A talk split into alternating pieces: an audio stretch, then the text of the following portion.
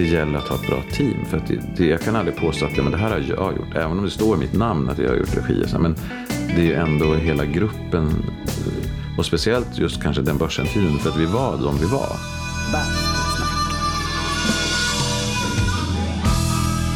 Ja, men hej hej och välkommen till eh, ännu ett avsnitt av Bastsnack. Podden där jag, David Granditsky, sitter och snackar med mina vänner och bekanta i bastun om ditten och datten. Den här veckan har jag ett stycke svensk showhistoria skulle jag vilja säga med mig. Nämligen Hans Marklund. Hans CV är, ja, den är som en telefonkatalog. Eh, Själv lärde jag känna honom på början av 90-talet när han blev eh, underhållningschef på Hamburger Börs där jag har jobbat sedan stenåldern. Hans har ju även en, en lång historia före börsen med alla möjliga roliga grupper, Kicks, Surprise Sisters, ja, you name it. Idag är han även teaterregissör, och sätter upp saker lite här och där. Ni får googla honom om ni inte är nöjda med informationen ni får i podden. Än en gång så blir det här en podd där vi pratar mycket om rea. Det är ju faktiskt eh, 10-12 år av mitt liv och eh, då tenderar jag till att ha en hel del kamrater från den tiden också. Det får ni stå ut med. Det är också vår och vår betyder att naturen blomstrar, fåglarna kvittrar. Det kan man höra här och var. Fågeltät är bastun inte. Så ni får stå ut med lite fågelkvitter också. Nåväl, jag tycker att vi kastar oss eh, rakt in i bastun eh, och här kommer vi in i en diskussion om hur fel det kan bli när man inte gör en intervju helt eh, komplett kan vi säga. Över till bastun.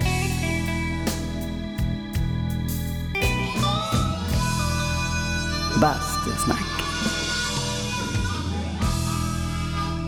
Jag gjorde en, en gång, gjorde, när Larsa började på ZTV när han hade då hette han, nej det var då han, det hette Babbla med Babsan kanske tror jag. Baby Doll? Nej, Nej, han, Babsan. nej det Ja. blev Babsan därför någon sa fel. Det var så det kom till. Och då eh, så skulle jag vara med för det var någon annan som inte kunde. Så hade de ju så här ett sjok och så en massa reklam och så sjok. Och då var det så här, vi, vi gör så att du är, kom in och var sådär liksom.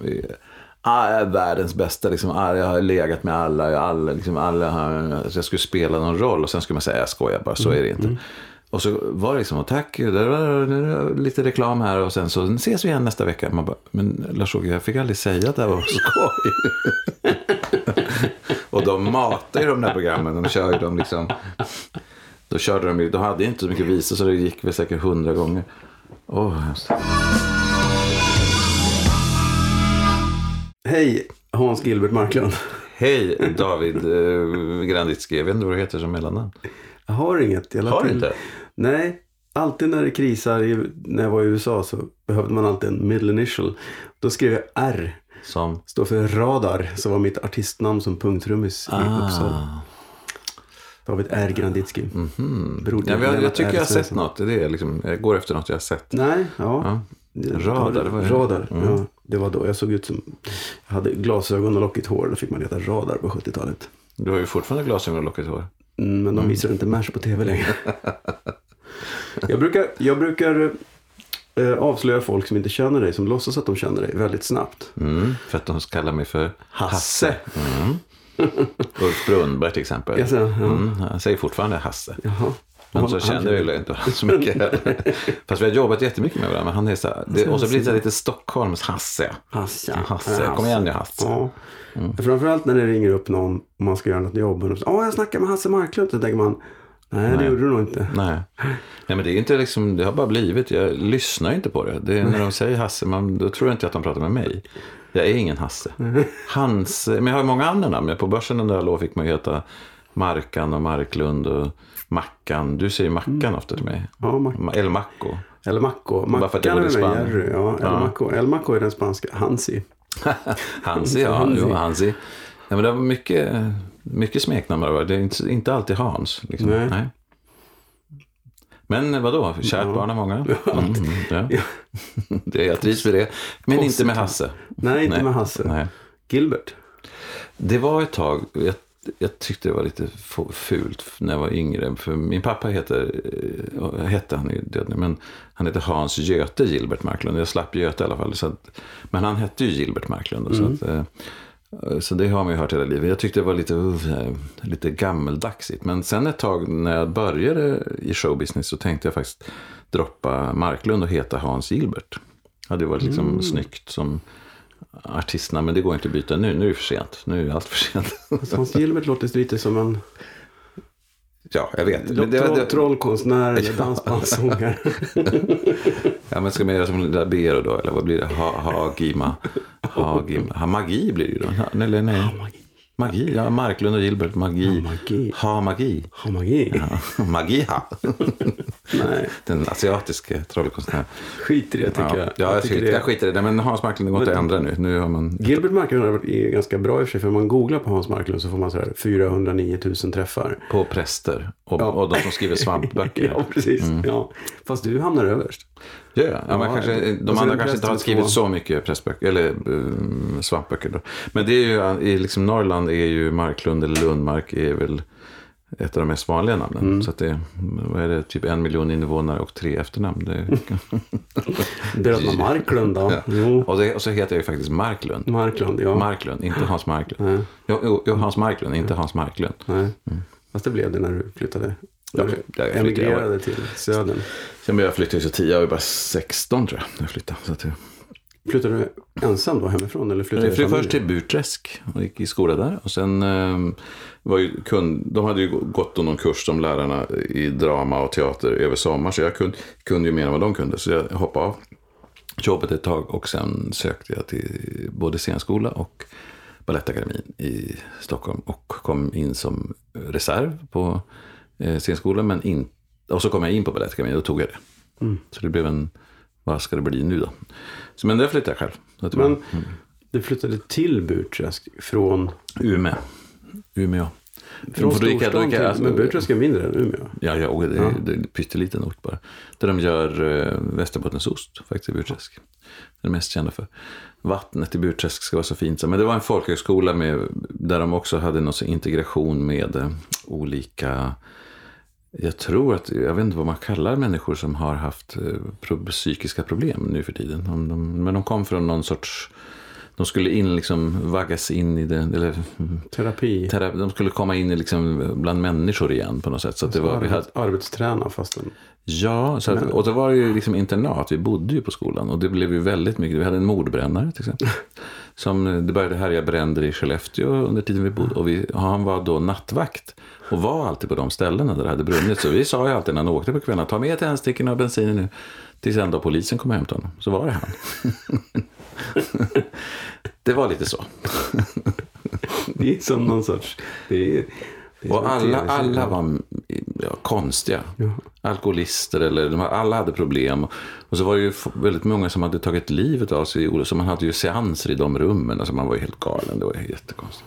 Konstig tid verkligen. Mm. Och du fick gå kvar där för dina föräldrar? Eh, Jag berättar inte det här för dem. Det. Men då lärde man sig busa. Det var kul. Det var, det var mycket sånt där att man... Om man inte låste dörren så... Hade, ibland kunde man till och med... Man låser upp dörren, går in i sitt rum och så vänder man sig om för att stänga dörren. Då är dörren borta. Då har de hunnit täcka av den. Eller jag hade glömt låsa en gång, var på bio inne i Skellefteå, kom tillbaka så stod alla mina möbler ute på parkeringen. Exakt likadant som i rummet. Och så var klockan 11 fick man ju bära in allting själv. Mycket sånt. var. Det känns som att det var mycket turnémusiker som bodde där. Är det där de lärde sig? De lärde sig. Ja, men det var mycket musiker. Där de har gått alla. Ja, men det var mycket musik. Det var en konstnärlig linje. Så det var väldigt mycket, vi gjorde väldigt mycket shower och revyer och tidningar och gud vad vi höll på. Det var konserter hela tiden. Och, det var mycket musik och faktiskt väldigt, väldigt kul. Men var det någon som gick där då som du har kontakt med nu som jobbar? Nej, nej, nej, ingen alls.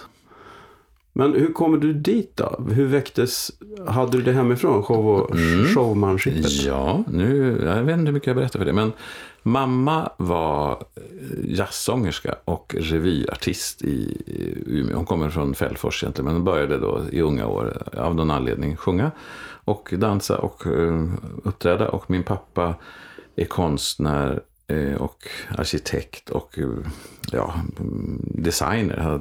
Och på den tiden då frågade de honom om han kunde måla kulisserna till en revy där min mamma var med. Och så träffades de på det sättet. Men sen när hon blev med, gifte sig och blev med barn så slutade hon. Fast hon sjöng alltid liksom hemma. Så att eh, jag sjöng inte så mycket barnvisor. Jag fick mer sjunga understämman till, eller Louis Armstrongs stämma när hon fick leka Ella Fitzgerald. Så att vi kunde sjunga Can anyone explain the wonder of love? Don't know, no. Fick jag sitta i bilen då, när man var fem. Det härligt. Ja, det var, och så att jazzmusik och så kom, det var ju deras grej, både mamma och pappa. Så att det fanns ju liksom sen jag var liten. Vilket var ovärderligt när jag sen började jobba i den här branschen. För att jag kunde alla. Jag kunde alla de där gamla standard. låtarna. Och gillade det. Och, och sen när jag var sju så fick vi gå med skolan och se Umeå Shakespeare-sällskap. De hade satt upp Stormen. Och då, det var den första teaterupplevelsen jag hade någonsin. All, och då trodde jag inte det var sant att det där fanns. Och nu kanske man romantiserar när man säger så, men att eh, det var som att öppna en dörr till någonting som man gick in och där är jag kvar. Att jag, jag känner fortfarande samma, åh vad kul. För jag såg att det var en tjej på min skola som var med där. Och eh, det här låter ju ganska hemskt att man ställde sig in med henne, liksom Veronica Svedlert hette hon. Man liksom, hej, vad ska du göra idag? Då visste man att hon skulle gå och träna på den här teatern. Och så fick man följa med och det var då en lektor på eh, gymnasiet, en kvinna, som, en eldsjäl som hette Margareta Södervall. Som var väl lektor i engelska och som hade börjat, ja, hon älskade Shakespeare och gjorde mycket Shakespeare-texter på klasserna. Och sen började hon ju göra mer och mer. Och sen blev det liksom att de gjorde föreställningar. Och sen blev det till och med att de gjorde två per år. Och turnerade runt i Norrland med det där. Så att många ganska kända personer var med i det där. Det fanns, jag tror att det fanns i 25 eller 30 år. Och eh, till exempel Stig Larsson, författare. Vi var med i samma Hamlet. Han var Lärtes, jag var väl någon pytteroll, men han var, han var Lärtes där. Och eh, Hans Wigren hette han, det, han som var på, han var väl chef för eh, Teaterhögskolan i Stockholm. Rektor där ett ganska många år. Kanske han var, det har inte jag koll på faktiskt. Var inte han som var en av Ville Valle Viktor? Han var väl, Ah, ja, just inte det. han Hans Wigren? Det. jo men han den lockiga, har lockigt hår. Mörk, mörk och lockigt hår. Viktor, Viktor kanske han var. själva Viktor Mm, mm. faktiskt. Han var med där Just också. det, just det. Sen har han gjort en massa, eh, dubbat en del också, gjort en massa röster tror Mm. jag. Men så det var ett, Mm. ett helt gäng, det var ännu fler som var med där. Men, så att vi gjorde ju, och, och då som sjuåring komma in i det där. Och det var ju liksom någon sorts dramaträning tre eller fyra gånger i veckan. Och, och hon, man fick jämföra svenska och engelska texter. Och hon var väldigt bra, liksom väldigt sådär äh, entusiasmerande. Så man tyckte allting var så otroligt kul. Men man fick ju både talträning, engelska och svenska. Så jag pluggade ju aldrig under hela min eh, skoltid. Just att man vågar stå inför klassen och prata. Och man, man, jag satte ju upp grejer på liksom roliga timmen var ju min. Det var ju jag som eh, styrde skolan. Så att jag var aldrig mobbad, aldrig någonting. Jag var, jag var ju konstig och gjorde konstiga grejer. Och satte upp balletter med tjejerna i klassen. Tog mammas alla nattlinnen och hoppade runt där. Eh, Men det var jag- Jag började i stormen. Jag fick, jag fick faktiskt vara med i stormen och då var jag anka i stormen. Det finns inga ankor i stormen. Jag men tänkte jag just det, det finns ingen anka. Nej, men hon ska jag skriva mina memoarer någon gång ska de heta Ankan i stormen. För det är liksom lite det att man är lite apart på något sätt. Och sen året därpå var jag puck Ja. i Midsommarnättsdagen. Så man avancerade ju. Det var ett otroligt hopp. Mhm. Och vi, sen, efter några år senare så spelade de alltid den på Gamlia som det heter i Umeå. Det är som ett Skansen. Att vi har ett så friluftsområde med hus från, och bo- bondgårdar från hela Norrland som de har byggt upp. Och så på somrarna så är det öppet. De bakar bröd och kardar ull och massa djur och sånt där. Och då kom alltid vi som ett resande teatersällskap och spelade vad ska jag säga, 10-12 föreställningar den, varje sommar av den. Där. Så jag tror jag har spelat alla manliga roller i den. Jag tror inte jag har varit, jag kommer inte ihåg vad heter de killarna i skogen. Jag har varit, jag har varit Botten och jag har varit eh, Oberon och jag har varit eh, Puck och, eh, och någon till, någon kung. Men jag har inte varit de där Andra hantverkarna där? Nej. Nej, det har jag faktiskt inte varit. Men, och inte de, de där Lysander och någonting. Mm. Det är två unga killar som... Ja, Ja, ja, mm. Det får Ja. vi googla sen vad de heter. Men mycket, ja. det varit mycket Shakespeare och mycket... Mm. Jag var med från jag var sju till jag var 15. Avslutade karriären som Romeo.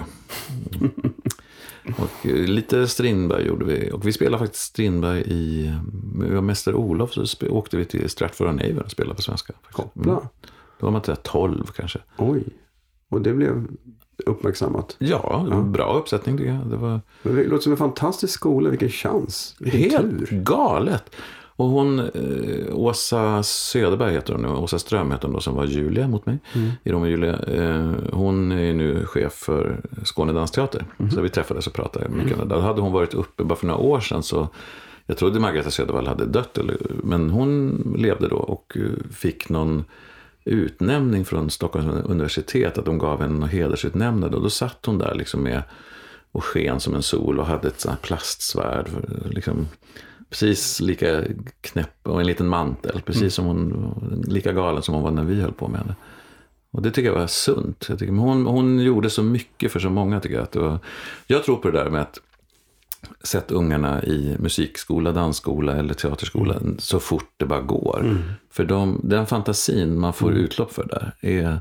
Och att man lär sig just det där att vara orädd inför andra. Och, och få skapa på något sätt. Det är som många säger om sport, man ska spela fotboll och sånt för då lär man sig teamanda och lagarbete. Ja, det också. Mm. Men jag tror att det här är precis Sköna konsterna. Ja. Mm. Jag tror att det jag tror att det tilltalar en annan sorts, det tilltalar fantasin för du måste skapa. Mm. I fotboll, sport är bra för du håller igång och du är aktiv så men jag tror samtidigt så är det liksom just om det är musik, teater, måla eller vad fan det nu är så är det någonting du du måste skapa. Och det, och att, mm. Som barn gör. De, liksom, mm. de sitter ju och ritar jämt. Mm. Eller liksom att det, och ta vara på det och någon som kan utveckla det där. Så att, jag tror att det är Jo, men det har man igen sen. Helt, det har man igen sen. Men du spelar inget instrument? Jo, Gör klarinett spelar jag då. Det har jag aldrig hört. Nej, tack och lov. Ja, men det, det var ju också det här, Fan, jag skulle berättat om en klarinett. Det här fantastiska kommunala musikskolan. Mm. Wow. Var, mm. Speciellt när man är i en liten stad. Mm. Man gick hem till någon gubbe och spelade liksom en eller två gånger i veckan. Och så hade de något Umeå storband. Det var inte Umeå Big Band det kände, utan vi hette kanske Umeå storband. Alltså man träffades mm. varje lördag och spelade och då spelade man tredje klarinetter, man fick bara noterna dunk och så satt man och spelade. Jag hade ingen mm. aning vad jag spelade. Sen år senare kan man höra, liksom, jaha, det här känner jag igen. Eh, men jag fick noterna som blev över, som jag brukar säga. Stämma som inte stämmer stämma, med någon. Stämma 12, ja, typ. stämma 12 Men så spelar vi på ja. ålderdomshem, fängelser och sjukhus och sånt där. Alltid någon, ett par konserter per säsong. Men det var ju jättenyttigt. Det var ju också en mm så det låter ju, när jag tittar tillbaka så känns det, fan så jag gjorde mycket. Vad aktiv du var, ja. Verkligen, inom den... Redan då, för jag tycker ja. att det är idag barnen är så galet aktiva. Men du var det, nu är du fortfarande... Ja, men jag är kvar liksom, där. Ja. Jag, alltså, det är det jag menar med att jag, öppnade, jag gick in i, i Umeå sexbrödskap och jag är kvar där.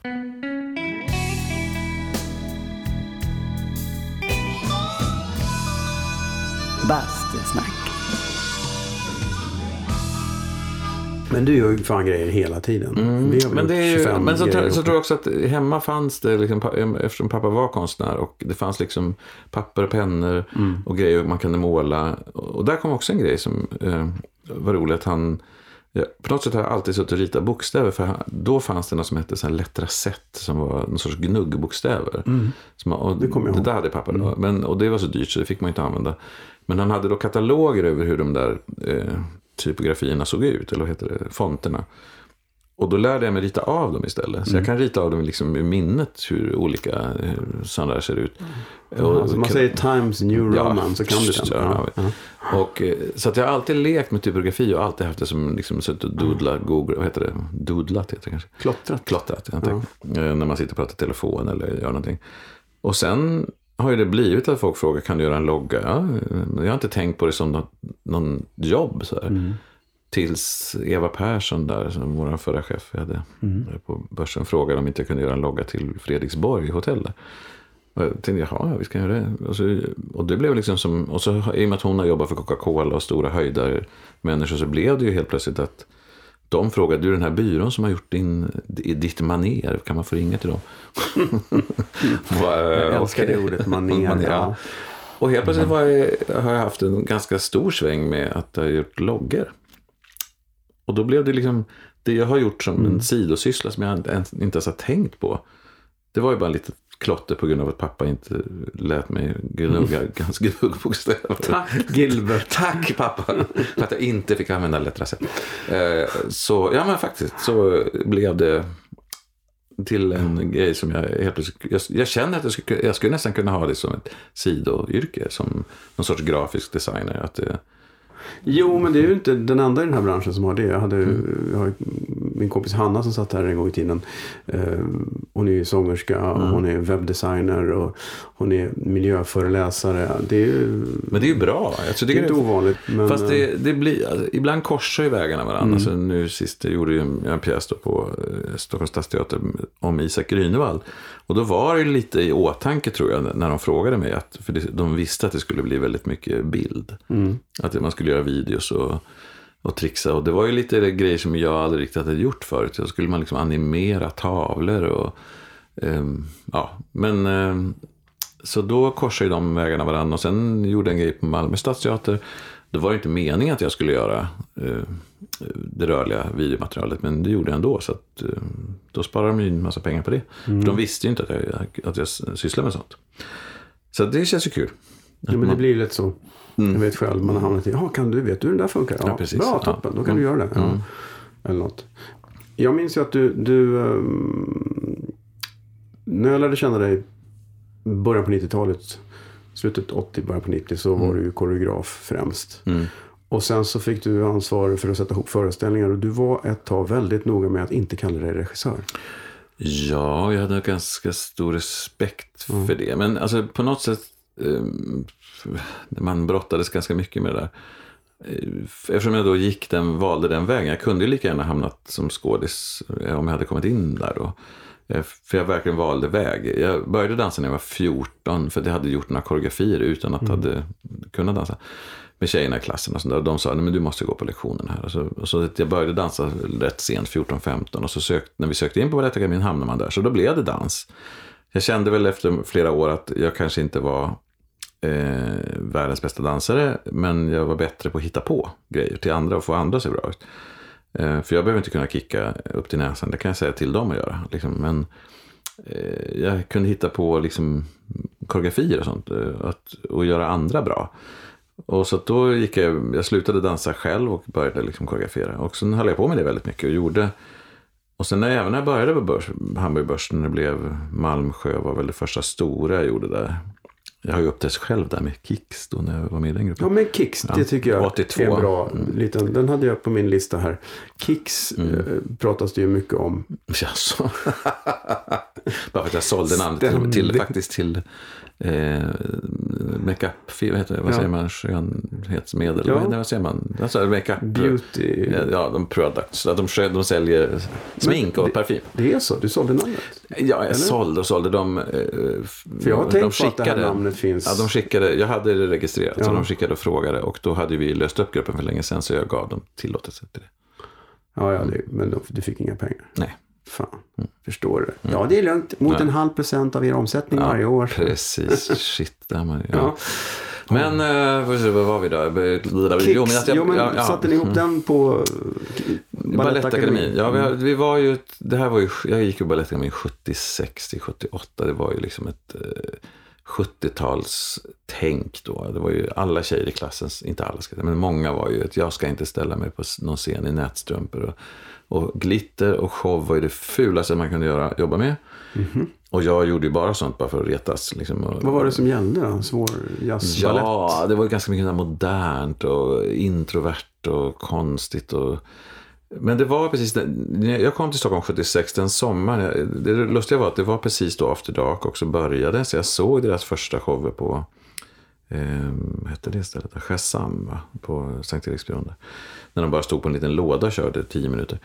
Så att det kom liksom en ny vind, en ny våg där. Så, och då kände man sig att nu när jag tittar tillbaka så kom man ju på att jag var ju med i det då. och en, en sån som bröt mot det där att, eh, att, man, att show faktiskt har ett värde också. Vilket jag slåss fortfarande för. Eh, och man började liksom göra, sätta upp grejer och eh, vi fick ju engagemang olika tv-produktioner. Så jag drog med några klasskompisar i det där. Vi kanske ska berätta vilka som var med. Helen Arnesen och Ann-Kristin Bengtsson och en kille som heter Benny Eriksson som sen ersattes av, han hoppade av, han, han tyckte det blev för svårt. Så att, eh, och sen började, fortsatte han sen en karriär som sminkör. Eh, och då tog vi in Michelle Rosta istället. Mm. som skrev egen musik och sånt där. Så det blev ett nytt lyft där. Men visst, jag tror vi startade någon gång vid 80 när Lena Maria Gårdenäs gjorde en tv-serie som heter Lena Maria Show i tv. Som var, förebilden var vad hette han då? Engelsman som gjorde. Då hade de en dansgrupp som hette Hot Gossip i varje program som var väldigt eh, provo provokativ. Så här, körde lite sexigt. Och, och hon ville ha den stilen. Så vi fick nya låtar från skivbolagen som inte var utgivna. Det var ett liksom Let's Dance, nej, Fame av eh, David Bowie fick vi innan den var släppt till och med. Sådär. Eh, så att det var lite sådana grejer vi fick. Så att vi gjorde liksom och så gjorde vi väldigt mycket, tittade in i kameran och liksom under lugg så där. Det var lite suggestiva. Ja, så fånigt när man tittar på det idag. Och, Det finns på YouTube va? Yes. Nej, kanske inte Kicks. Undrar om det finns. Kanske, jo, kanske något Lena Maria. Lena Maria show tror jag har sett på Ja, YouTube. kanske, ja. Ja, det skulle jag kanske ha tagit med mig. För där, jag minns, det, det var ju skitkul för det kom ju världsartister. Det var ju alltid två, tre sådana med i varje program. Så här, Marianne Faithfull och Sheena Easton. Gud, jag kommer inte ens ihåg alla som var med. Det var alltid någon så här jättestora, jättetrevliga. Och av någon underlig anledning så skulle Marianne Faithfull sjunga någon låt sittande i en bil. Och jag hoppar upp i baksätet i bara ett par glitter, röda paljettbadbrallor. Och står och åmar mig på bilen. Det, det borde jag ha tagit med mig. Det kanske är ännu mer. Bara det är värt att googla på. det. Ja, fy. Jag tror det klippet finns absolut inte. Och finns det ska jag bränna. Eh, Men, eh, men då, vi började som en dansgrupp i hennes tv-program och då hade vi inget namn. Hon tyckte, vi, hon tyckte att vi skulle heta Bitch, för hon hade ett, ett halsband där det stod Bitch. Och vi tänkte, nej, vi vill inte ha en dansgrupp som heter Bitch. Och, jag hade sett någon eh, show, en annons om en show i New York som heter Kick, så jag tyckte, men det var bra namn. Så vi tog det och ehm, då var det tre tjejer. Det var en tjej som hette Lill Lill Börtner som var med i min, gick i min klass också som var med då.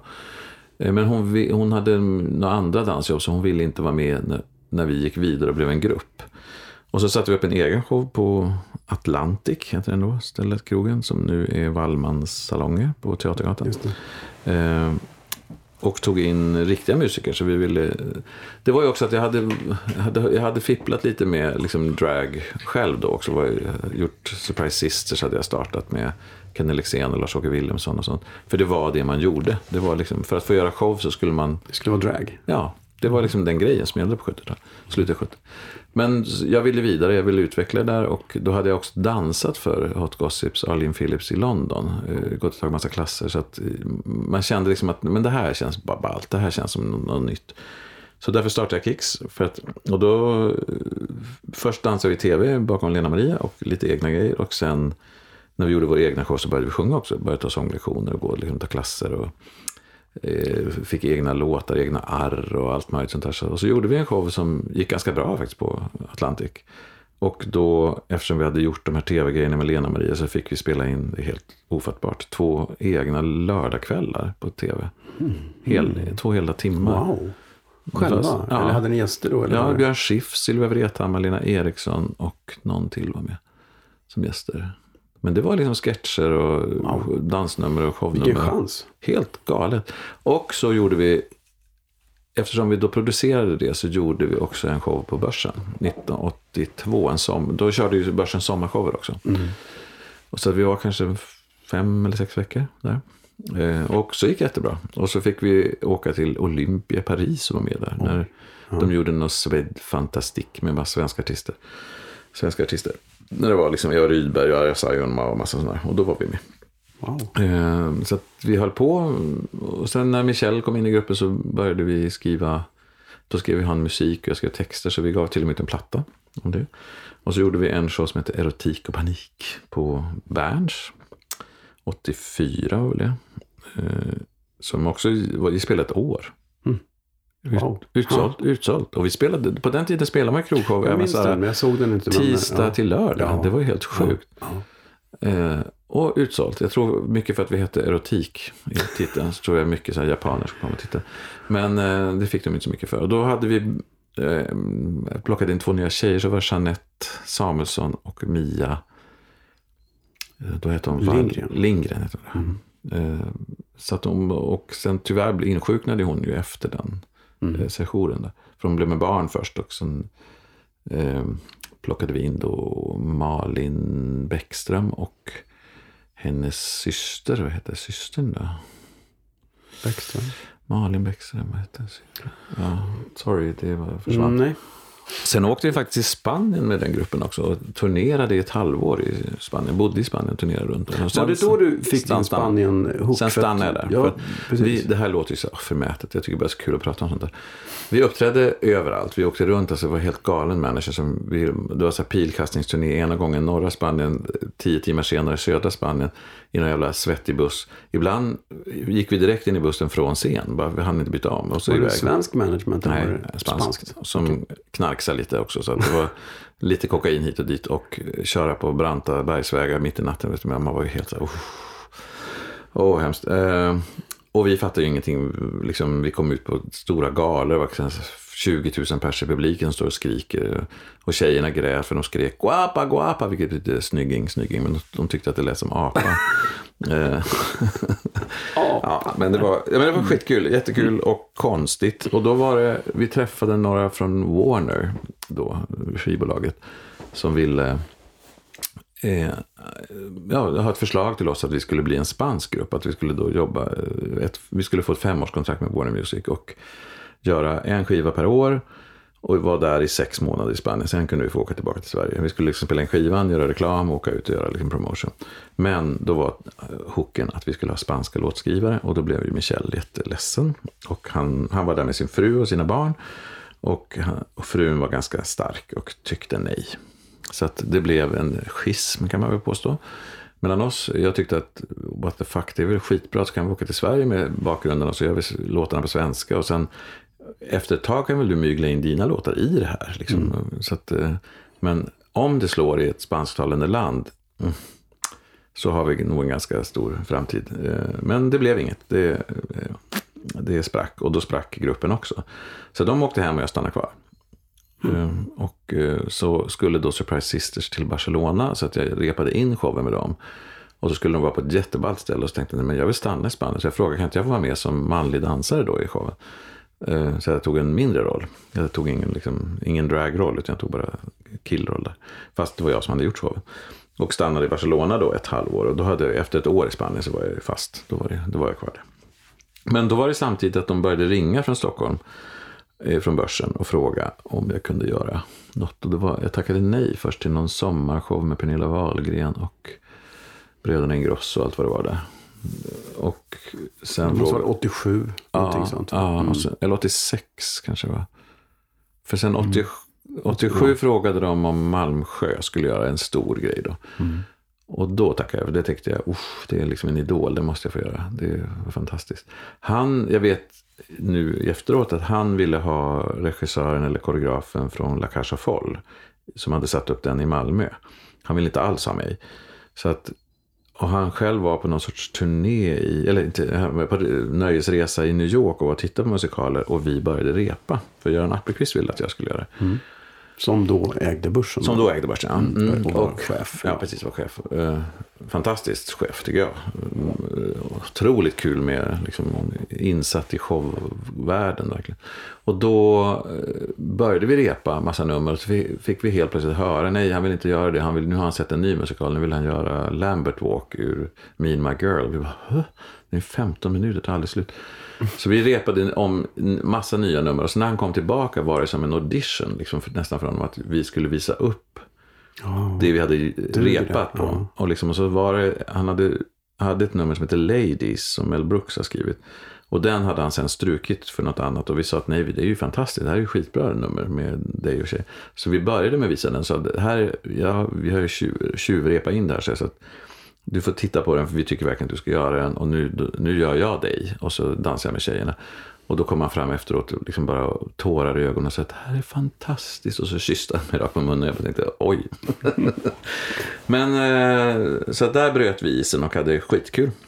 I grevens tid. I grevens tid, ja. Och det, blev ju, och det var ganska kul att göra den debuten på börsen. För det tror jag är en av de två shower som jag fick sådär fem full pott i båda tidningarna. Liksom. Det så? Att, att det var, jag, ja, jag tror faktiskt att det var fem getingar också. Annars Ja. brukar de inte vara, ge sånt. Det var Jag väl vet. innan Anders Björkman bestämde sig för att inte ge det till något i hela världen. Ja. Vi har fått en.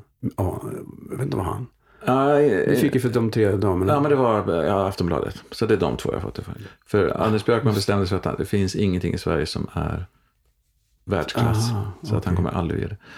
Eh, och så en gång har jag fått det för en show med Surprise Sisters på Hasselbacka. Så jag har fått fem plus. Så tre gånger i mitt liv har jag fått det. Ja. Mm. Men det var ju ganska skönt att det var, det första, att det var debuten. En bra början. Mm. Känn igen. No pressure. No, pressure, no pressure. Men det var en fantastisk föreställning. Det var liksom, man höll inte tillbaka på något. Det var väl första gången det var en sån här 20-manna orkester. Anders Berglund och åtta dansöser. Där det var väldigt många kända. Det var Petra Nilsson och lite sådär som, och Björn Skifs blivande hustru. Pernilla Skifs, då hette hon ju inte Skifs, då hette hon Hulting va? Pernilla, nej, ja. Ja, beats me. Ja. Det var... Ehm, och ja, lite, och det var en, där var ju en lustig liten historia för jag satt ju med på massa möten och Malmsjö var ju lite vimsig redan då. Eh, och pratade, pratade, pratade och han ville ju då ha en, en eh, han, ville göra, han ville göra alla sina favoritnummer. Han ville göra My Fair Lady. Lite bitter så för att inte han hade fått göra dem i Stockholm. Han fick ju inte göra Danilo i Stockholm på Oscars. Han fick inte göra... Jag undrar om han hade någon schism med Oscarsteatern. Göran... Vad heter han då? Sa... Nej. Ja, men han som hade Sandrews där. Göran Lindgren. Göran Lindgren. Ja. Jag tror att det var någon schism dem Mm. emellan. För att han fick ju aldrig göra My Fair Lady. Han fick aldrig göra... Han fick inte göra La Caixa Folda heller. Mm. Och Fantomen var ju också tänkt för honom. Men, så att någonting var det med Oscars. Så då var det nästan att han skulle ge dem en näsbränn. Att han skulle göra alla, liksom, de stora. Han skulle göra paradnummer. Han gjorde La Cage, Fantomen, My Fair Lady, Me and My Girl och eh, Glada Änkan. Men då sa han, då vill jag ha en moatchen, en kvinna. Och då pratade de om att i, när jag jobbade i Malmö, och hon är så fantastisk. Wow, fantastisk. Åh, så bra. Hon är ro, wow, wow, wow. Och eh, ja, där, Göran Appelqvist gick med på det här då. Och, och orkester och dansare var valda allting. Och så kom första repdagen. Och hon, titta nu, hon hennes namn borta. Kanske lika bra för henne. Birgitta kommer dit. Och han kommer fram och frågar, och du, vem är du? Han hade ju pratat om helt fel tjej. Så att hon har ju då ett kontrakt. Ska spela en hel säsong. Har blivit jätteglad för att jag vara med i den här föreställningen. Och så är det inte hon. Han har med- blandat ihop Han har blandat ihop det med en annan. eh, hon blev så knäckt av det där. Så, att, eh, det, hon, så hon, jag undrar om hon byttes ut efter halva. Men hon var med ändå? Hon var med, ja. Och sen blev det eh, Irene Lind, tror jag. Så det var... Det, det, för det har hänt några gånger, minns jag, att folk har fått anställning för en hel säsong och sen inte varit med. Jag tänker på en Jerry Williams-show. Ja, det var ju också... Där Björn Wikström var med Ja, och hade... för en- han hade väl... På något sätt hade han och Jerry... Jag hade inte de jobbat i Cats eller någonting? Jo, det hade de gjort. Någon, de kände varandra väldigt Ja, väl och det ja. var Jerry som ville ha med honom. Ja, och man hade Och sen var det- hotellrumssketcher. Det var, ju, det, var- det var ju massa... Och så var det Boppers som skulle göra någon sorts comeback i den showen. Mm. Det här var en, också tidigt, 90 kanske? Det var 90. Ja. Då var ju liksom stor, stora grejen var att Boppers skulle vara med. Mm. Och då blev det också att, ja men jag kan vara med en av dem då, sa Björn. Ja fast det blir ju konstigt, då blir du en i Boppers. Mm. Nej men de här sketcherna, då, där kan du vara med. Ja, så, det var ju fler sketcher från början. Och så ströks de en efter en. Och till slut hade vi en liten sketch kvar som vi skulle... Och så var det ju, hans medverkan eller inte hängde ju på den där. Och då skulle den visas upp minns jag. Och det var ju byggt dekor som skulle braka och brinna. Ja, men det var ju stor dekor, ett helt hotellrum och toalett. Och den var ju som skulle trashas. Och det skulle, Den var svår att få in genom dörren. De var Ja. tvungna att såga isär den för att få in den först. Och så byggdes det. Och det var, Och det var att Jerry Williams skulle berätta hur man grillar korv när man Mm. är på turné. Att man stoppar en gaffel i varsin ände och så splittar man kontakten till lampan. Och så Mm. Sätter man den var. Och så när det blir kortslutning. Man måste, man måste dra ur kontakten innan det- det blir kortslutning i hela korven. och så, för annars går i strömmen då. Och så medan han berättar där så gör de det. Och så börjar det brinna i papperskorgen. Och så kommer, skulle Björn Wikström som apis eller vad det heter då. Eller, eller var lite portier. Portier, ja. Ja. komma in och börja bråka. Så skulle han falla runt och kliva i papperskorgen, riva ner gardinen och välta och allting. Så att han, Björn trashar hela hotellrummet medan Jerry står och tittar på. Sen så skulle poängen vara att han säger, och vem tror ni fick skulden? Eller sånt där. Att han hade bara gjort något litet, men det var ju någon annan som hade då förstört allting. Och så bedömdes det där som, nej, det här tar vi bort. Så att det var ju otroligt, och jag minns hur Björn kämpade och hur jobbigt det var där. Och hur jobbigt det var att, för, även för Göran, för alla som var med i det här, att, att att ta bort honom. Det var jättesynd om honom, för han är ju bra. Björn är ju Ja. skitball person. Han gick en hel höst med lön. Han hängde ju med oss och drack lite pilsner ibland, men han fick, han Han fick aldrig vara på scenen. Nej, det var... Ja, men det är väl de... Det var, det var ju ungefär som för den här Birgitta Smiding. Heter hon. Birgitta Smiding. Titta, där kom. Eh, hon var väldigt bra, väldigt gullig tjej och, och jättebra på alla sätt och vis. Men det var ju tråkigt att hon hamnade i en sån sits. Så att det var inte hon de ville ha.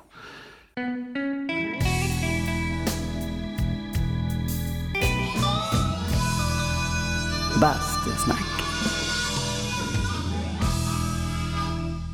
Det fanns ju en kille som hette Stalling.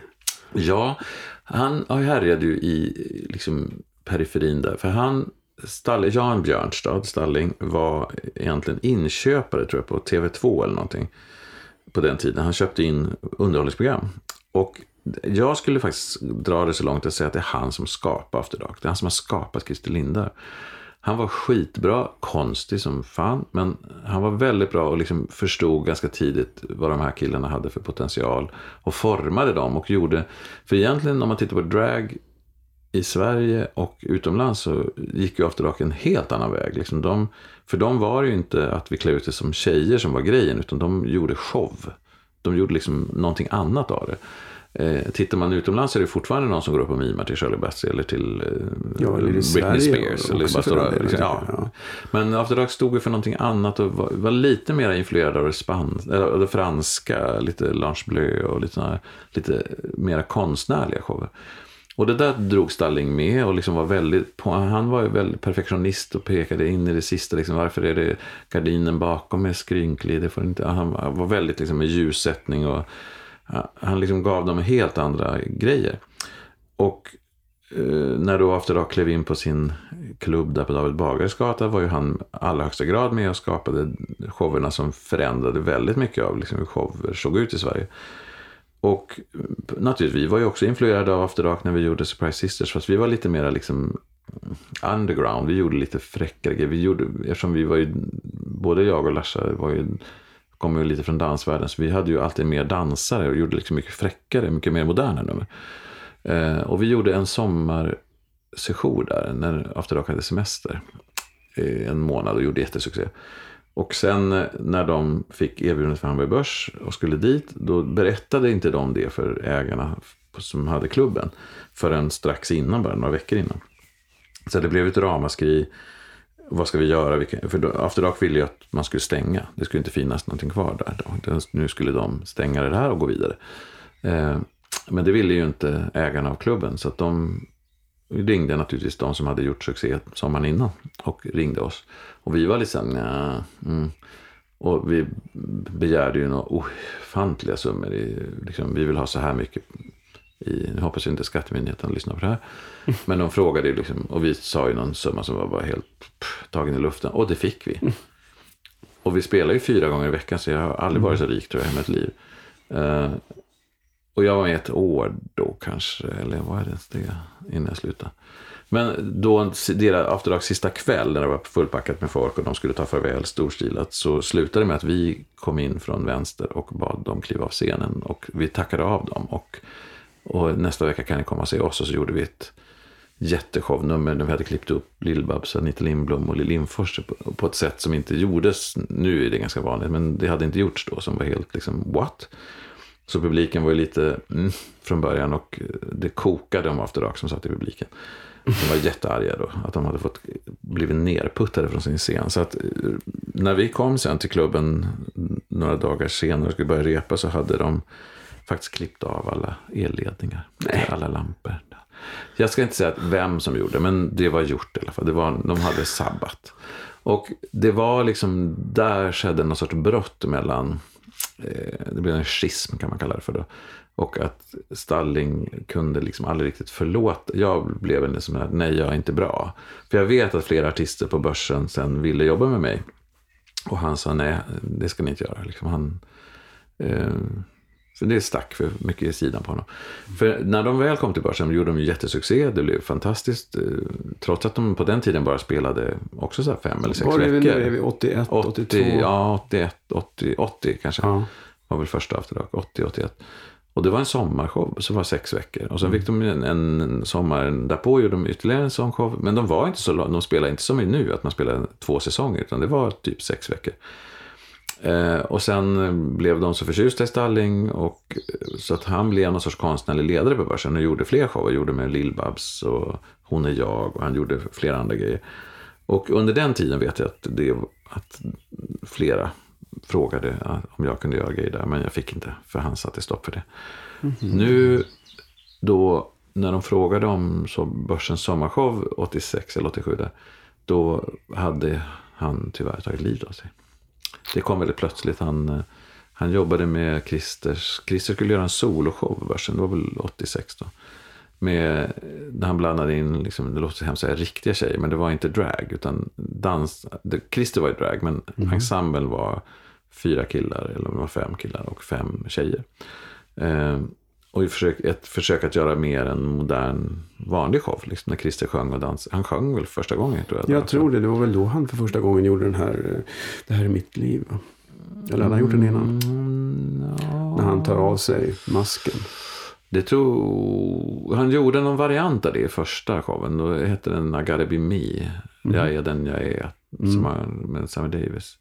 När han sjöng som tjej först och sen mm. kille.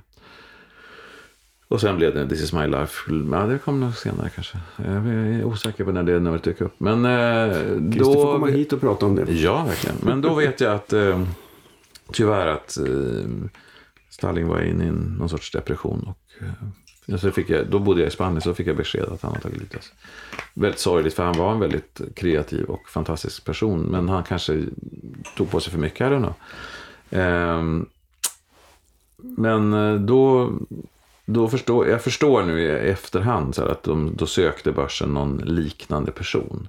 Och eh, innan dess var det väl inte vanligt att de hade en och samma som gjorde allting. Liksom. Men, och, jag, och så från 87 så blev jag ju kvar på börsen. Så jag, ända tills, jag kommer inte ihåg när jag slutade, tre, fyra år sedan. Ja, mm. um, så till 25 år blev det ju i alla fall. Där. Men, Men det var väl mycket Appelqvists förtjänst också, att han ja, såg att det absolut, fanns. Absolut. Och att eh, ja, men det, var, det var ett väldigt fint, alltså jag minns hela den första perioden som väldigt eh, friskapande. Att man, eh, han, han sa saker till mig, så när man frågade liksom, vem ska göra ljuset, det ska du göra, va? Liksom, ja.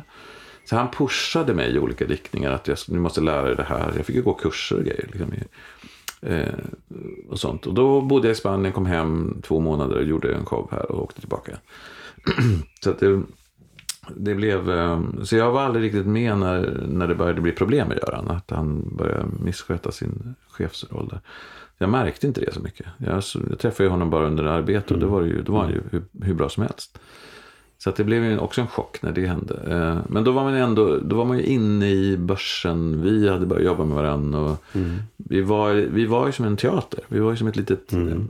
Ja, det var ju ett team. Vi var ju som en grupp som gjorde saker ihop. Ja. Det, det togs ju inte in så mycket extern personal, eh, scenografer och sånt. Oftast gjorde man ju allting själva. Ja. Och det var ju, eh, som jag sa innan du började inspelningen, att liksom, jag har nog sett eh, hela liksom, min karriär så på scen att det, det gäller att ha ett bra team. För det, det, jag kan aldrig påstå att ja, men det här har jag gjort, även om det står i mitt namn att jag har gjort regi. Men det är ju ändå hela gruppen och speciellt just kanske den börsentiden, för att vi var de vi var som mm. höll på. att Det var inte bara att du gjorde ljuddesign, du hade ju massa liksom andra inputs och grejer. Det var ju liksom hela tiden så att man, det fanns inga gränser. Man, var, man, eh, man hjälpte varandra eller man kunde fråga varandra om saker. Man liksom, och kom någon med en bra idé så tog man det. För det var, en bra idé. Men alla gjorde ju allt, alla var fast anställda. Ja. Alla jobbade Men vi var ju ändå ganska, och, ja. vi, hade, mm. vi hade ju en kommunikation hela mm. tiden. Mm. Oh, ja.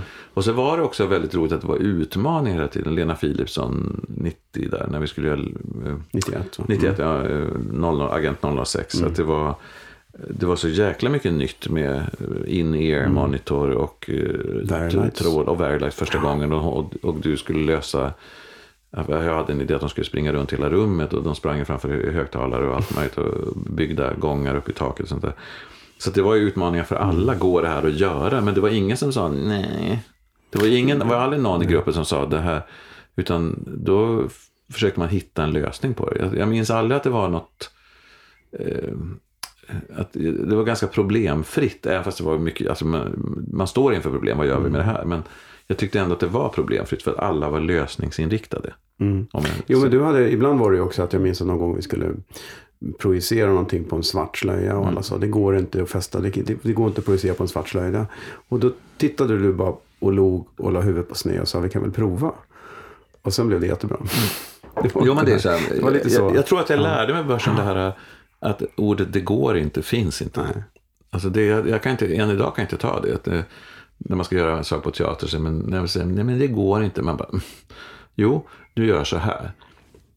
Har man torrt på fötterna och kan berätta, gör ba, ba, ba, då blir de ju helt tysta. Då kan de inte säga någonting. För det, jag vet, jag har en, efter alla år har man en liten säck med trick som man kan sträcka ner handen och dra fram. Och jag vet hur man gör.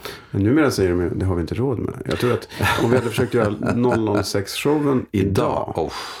Det var roliga var när vi hade den där, vi hade ju en återträff mm. för 20 år senare. 20-25 år efter var det, tror jag. Ja. Var det, Var inte det? Eller var det 20 år efter? 20 år efter, ja. Ja, 20 år efter.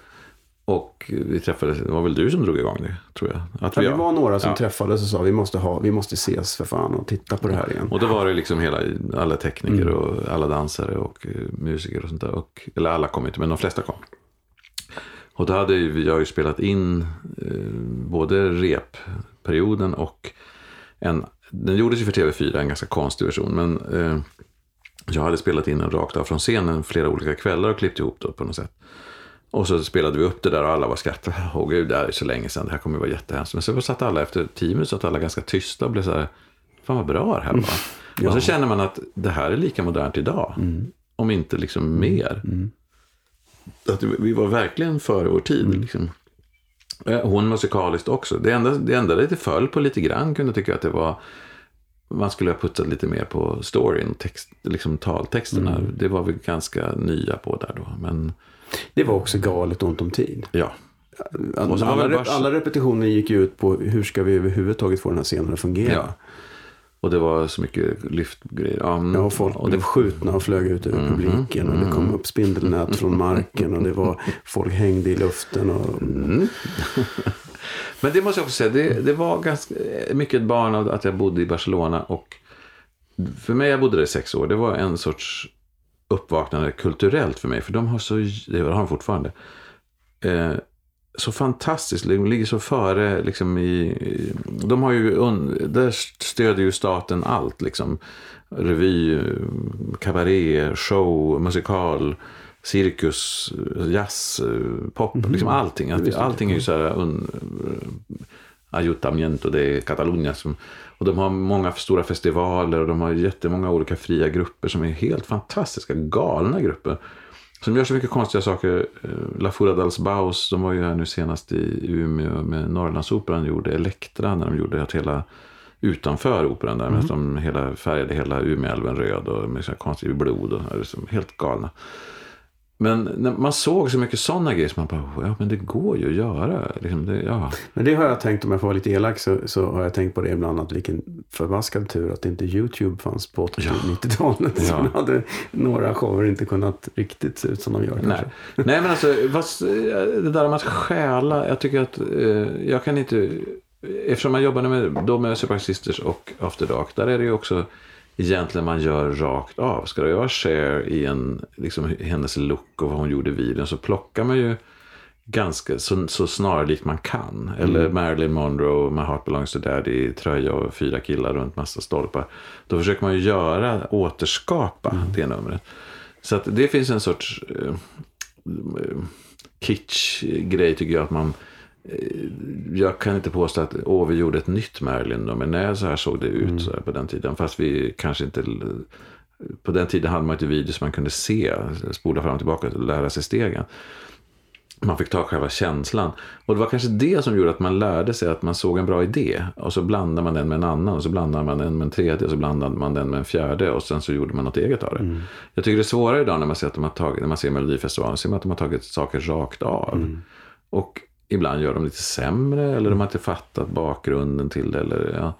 Ehm, Då tycker jag det liksom, då är det väldigt copycat. Att det, jag, jag tycker man, om, om man ska låna en idé måste man ju ändå ta ansvar för den och göra någonting av den. Att du gör någonting eget. Allt är ju gjort egentligen på något sätt.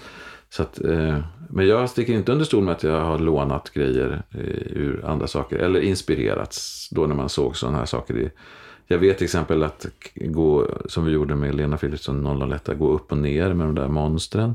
Det såg jag i en sån där La Fura de la Spas show, att de gick på linor. Det hade jag aldrig tänkt på. Att just, man, även om jag har ett sele var, man kan ju vända mig upp och ner och gå under linan. Just det. Det hade jag aldrig tänkt på förut. Men de gjorde det på ett helt annat sätt. Vad, än- vi gjorde ju liksom att det skulle vara de här monstren, i, om de var flugor eller vad som sp- sprang under väg. Eh, så, men Vi kanske ska förklara lite närmare vad som hände. Att vi hade alltså ridåbanor i taket under balkongen. Där folk var utklädda till någon sorts flugor. Där de sprang i taket upp och ner. Och Så de, hade en, de hade ett sele på sig med en, med en eh, lina som var ganska kort från midjan och ner till fötterna. Som satt i den där skenan. Så de, de hävdes över kanten och vände upp och ner. Så de hängde upp och ner. Man såg inte linan då. När de, så det såg ut som folk kunde gå upp och ner under taket och ta folk i håret. Det var ju väldigt maffigt. här. Och nu var ju det heller inte direkt, det var ute i salongen, det var inte på scenen ens. Nej, det var under ett nummer. Jag, tror att, jag tror inte ens att alla som var där uppfattade att det hände. Nej. Men det var lite, lite sådana där saker. Man samlar på sig, man lär sig knep. Och ibland stjäl man av sig själv till och med. Att det här har jag hittat på, men nu gör jag det en gång till fast på ett annat sätt. Eh, Ja, men själ och själ. Alltså, herregud, manegen med Glenn Killing en, finns ju en förebild Ja, ja. till också. Ja, ja. Och, eh, you name it. Allting. ja, Evert. Taube, Magnus ja. Uggla. Ja, det är gjort. Det är gjort. Men eh, fastän, som sagt. eh, Men man måste, jag tycker konsten är ju att göra någonting eget Mm, av det. Att, att bara göra en sketch rakt av som någon annan har gjort. Mm. Ja, vi gjorde någon sån grej i Rea, fast det kändes inget bra. Det, kändes liksom, det blev aldrig samma stuns i en sån sketch som man tog från någon. Jag tycker du får efter en bra grej när, vi, när, vi, när du pratar om det här att man tar känslan av något.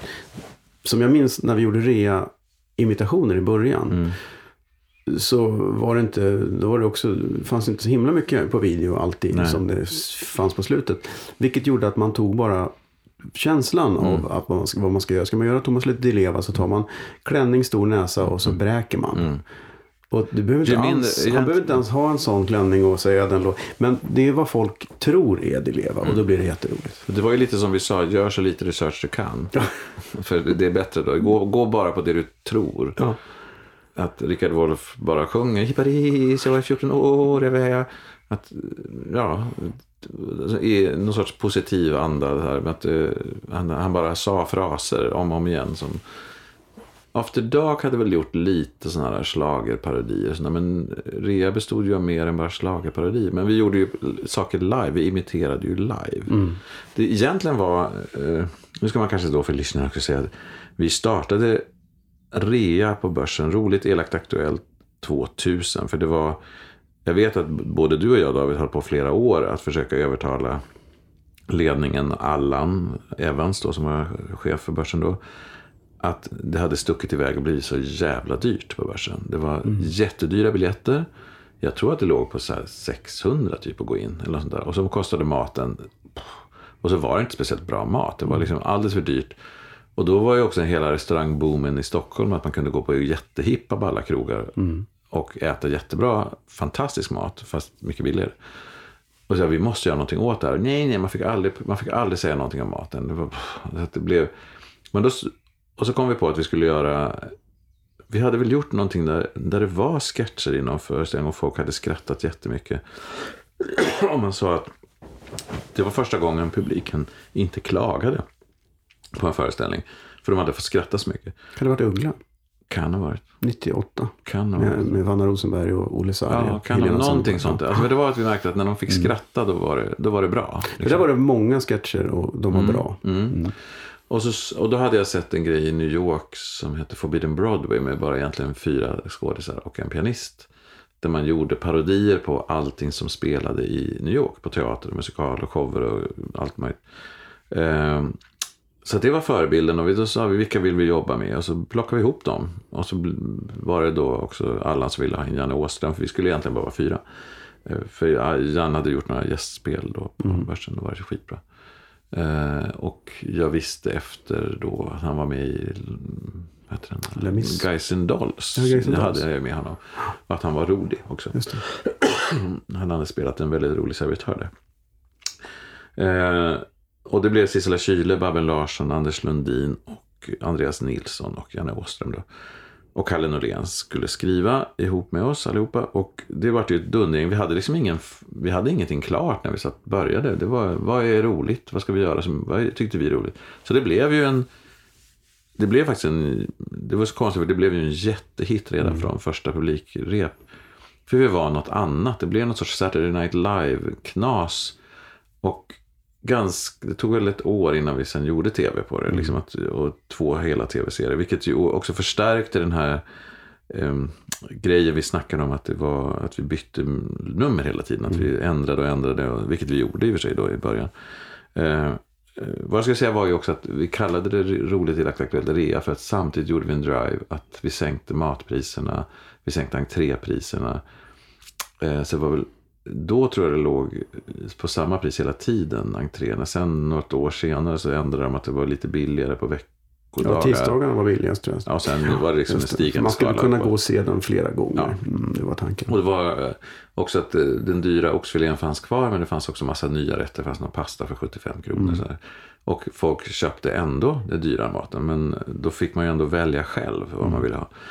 Eh, men eh, så att då spelade vi tisdag till lördag. Mm. Det var ju helt sjukt. Och det var ju utsålt, utsålt, utsålt, utsålt, utsålt. Och eh, Fast jag minns att eh, det var ju inte ett helt säkert kort för nej. till premiären så tror jag, när vi väl gick Ja, till det- premiär så hade vi sålt 700-800 biljetter Ja. totalt för hela säsongen. Ja. Men sen Så när vi började med, när vi började sen med, till, ja. med olika Mm. provföreställningar, Mm. då var det när, det när ryktet gick. Men det, Allan gick ju runt och rökte och såg ut som ett... Gud, ur vattnet. Men det var ju också att vi hade någon jätteful annonskampanj som Ja. inte alls funkade från början. Men, eh, men sen, det var ju ryktet som gick. Mm. Och att det var el, just att också det här elaka var ju folk inte beredda på. Det fick vi både ris och ros för. Att det var, att vi, tittar man på det nu så är det Så så, elakt var det ju inte. det är så oskyldigt som man, mm. oj oj oj, när man tittar på det nu. Det var ju inte så jättemånga som blev ledsna och arga heller. Nej men det var väl liksom tror jag också att pressen var, i, Ja. hoppade på den grejen. Va? Att, nu vågar ni? För det var ingen, ja, det Man var, ja, precis. Men det var ju ingen som gjorde det. Inte på det Nej. sättet då. Nej. Att man liksom klev ut och sa de här sakerna. Men det blev ju 15 år körde vi det. Det var ju fram, lite olika medlemmar sen men fram och tillbaka. Men eh, jag måste säga att jag lärde mig ju verkligen eh, chops. Liksom då hur man eh, lägger en paus, där blir det roligare. Pff, är klart. Mm. När jag minns när tv kom in och skulle spela in. Då spelade de, vi spelade in alla nummer under två kvällar. Och sen hade vi alltid en gästartist som var med och som fick spela tre, fyra kvällar innan vi tog dit tv. Och då spelade man in gästens nummer och något introprat som var nytt. Och resten så använde de, för, riktade de kamerorna mot publiken för att få reaktioner. Och då kunde vi säga, vi kunde styra sig, nu kommer det stora skrattet, nu kommer skratten att slå sig på knäna, nu kommer skratten att... För vi visste det. Och så var det alltid så, alltid. Man kunde klocka grejer. Så liksom.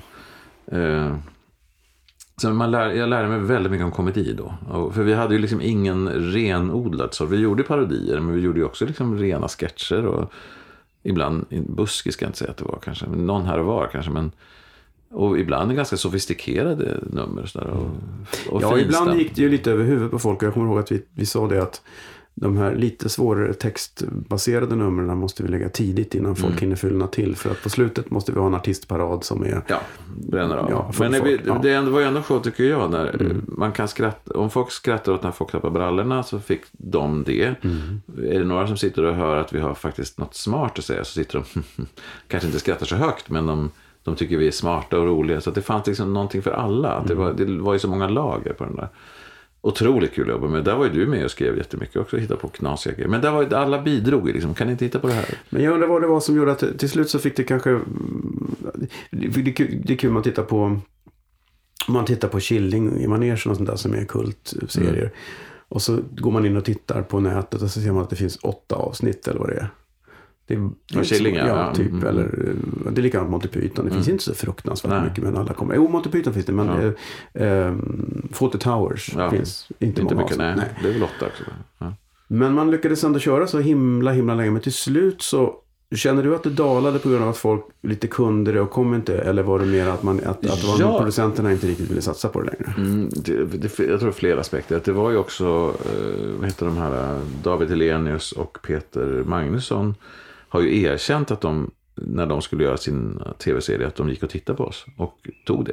Det, där, det är det här vi ska göra. Vad heter det? Hej Baberiba Hej. Baberiba, just det. var ju en ren rip-off. Av. Och då är ju problemet att de fick ut det i tv. Mm. Eh, och viss, ibland berörde man ju samma grejer för att det, var, det är aktuellt med Torsten Flink gör det här. Och, mm, och då hade vi med det och de hade med det. Och då blev det nästan att folk tyckte, ja men det där har vi sett dem göra. Fast de kanske hade varit tagit det från oss. Eller tag- att det var- man berörde samma ämne. Så att det, helt plötsligt började det bli, de gjorde både Hej Baberiba och Partaj. Och jag tycker då att, jag tycker ofta att de hade inte, vi, vi var ju mer noggranna med texter och skämt. I tv behöver man inte vara det. Där behöver man inte ta ansvar för ett skämt på samma sätt. Man kan säga ett skämt och så blir det skitsamma hur det landar. För det behöver man inte ta ansvar för. Men säger vi ett skämt i rea på scenen och ingen skrattar, då kan inte vi ha det kvar. Nej. Eller skulle de bua, då måste vi också ta bort det. Skulle vi säga någonting jätteoförskämt, eh, var det inte Schyffert som sa Anja Persson kan plocka upp en valnöt med ja, det var något sånt här jättesnuskigt. Eh, skulle vi sagt det på en scen hade vi, de buat åt oss. Då, vi kan inte ha det skämtet kvar. Eh, så att vi var ju mycket mer tvungna till att text manusmässigt var sharp hela tiden. Och med en sån som Anders Lundin i gruppen så var det ju så här, han, han gav sig inte. Han ändrade ju hela tiden tills det var ett skratt på någonting. Eh, och han ändrade gärna åt de andra också. Så det, men för att showen skulle bli bättre, att man skulle skratta. Men just det där att ta ansvar för skämten.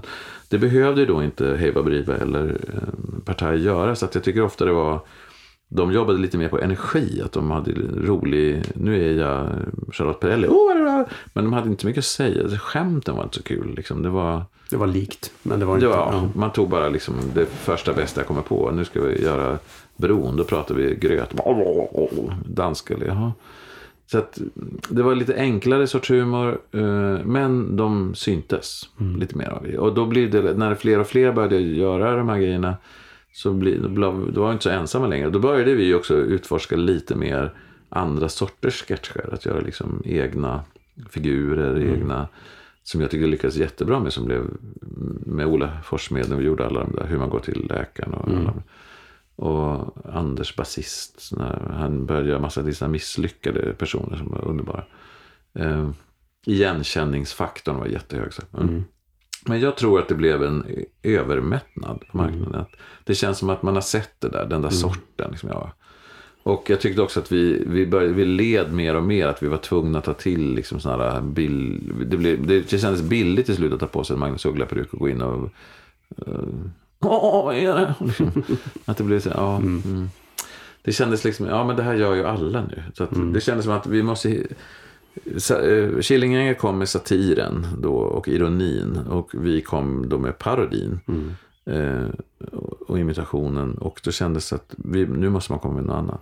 Nu är det här, det känns verkligen urvattnat att se en till Leif GW eller en Persbrandt. Så tycker, jag tycker inte det är kul. Jag, jag skrattar absolut inte åt det. Det roliga med Rea var ju också att vi gjorde så mycket andra grejer. Att vi, liksom, vi gjorde mycket musik. Att vi, och så sjöng ju alla. Vi, det Ja. var ju väldigt mycket. Vi hade ju ett band och alla. Där skilde vi oss ju verkligen från andra gäng. Att vi sjöng väldigt mycket. Vi hade, det var ju nästan varannan musik. Vartannat nummer var musiknummer. Men vi hade ju fruktansvärt roligt. Fan vad kul det var. Ja, det var... Och när du fyllde år gjorde vi ju comeback. Ja, ja, vi skrev ett nummer det. bara för dig. Ja, vi hade Mm. ju ett, jag hade Susie här i soffan häromveckan och då berättade jag just det att det var det enda jag önskade mig i 50-årspresent. Och så fick jag det.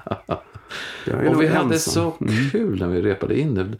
det var en, och då var det liksom originalgruppen. Ja, originalgänget plus ja, plus ja. Mm.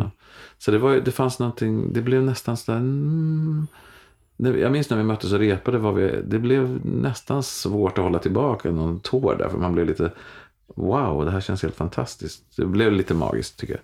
Och vi trodde att det, du kommer att fatta, men ingen annan. Men de skrattade ju ihjäl sig, Mm. hela publiken. Och då kände man också, fan, det här är ju bra. Mm, jo, men det är kanske värt att ta upp någonstans Ja.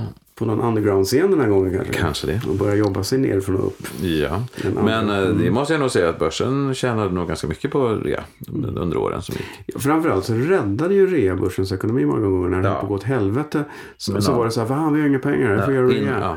Och då var det att, att uh, scenmästaren Roffe och jag spenderade en hel sommar med att bygga en scenografi av det vi råkade ha i källaren. Precis. Och alla kom in på hösten. Vad fan, det ser ut som någon har byggt det med lego. Ja, men det var vi hade. Ja, Ja. okej. För det, Men det spelar var- ingen roll. Man Nej. behövde några dörrar och några trappor och sen kunde man köra. Men det var ju det var på det som var så Det var ju grupparbete Mm. i allra högsta grad. Liksom. Det var, eh, och det var, det var ju härligt. Jag tror man lär, att alla lärde sig av alla på något sätt. Mm. Att det var, och tänka på ett annat sätt också. Och just det här, jag minns när Anna Pettersson var med eh, ett, två säsonger tror jag.